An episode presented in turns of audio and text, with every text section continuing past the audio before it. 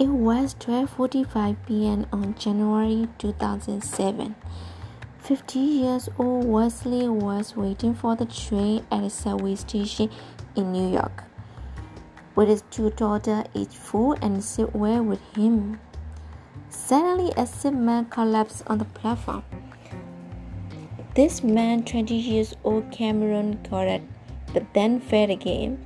This time on onto the track between two rails. A train was coming into the station. It was a frightening moment. But Mr. Wesley wasn't frightened. He looked at the man and he looked at the speed that the man was in.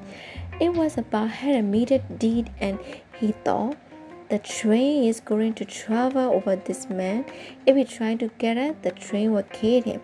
But if he lie on the ground and doesn't move, he be okay, so he knew he had to make a decision. He jumped. Mr. Wesley lay on top of the Mr. Cameron and keep him down on the ground. The train driver saw that and he was terrified, but he couldn't stop in time. Five carriages traveled over the two men before the train stopped.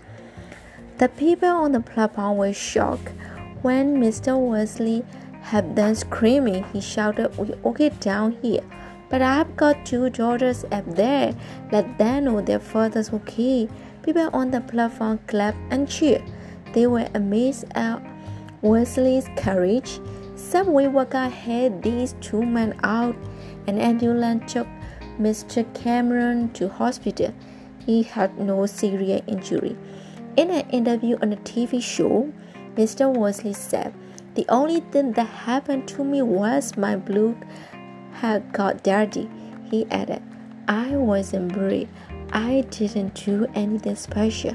I just saw someone who needed help. I did what I thought was right. Reference from English in Mind, Level 1 Student Book, Second Edition by Cambridge University Press.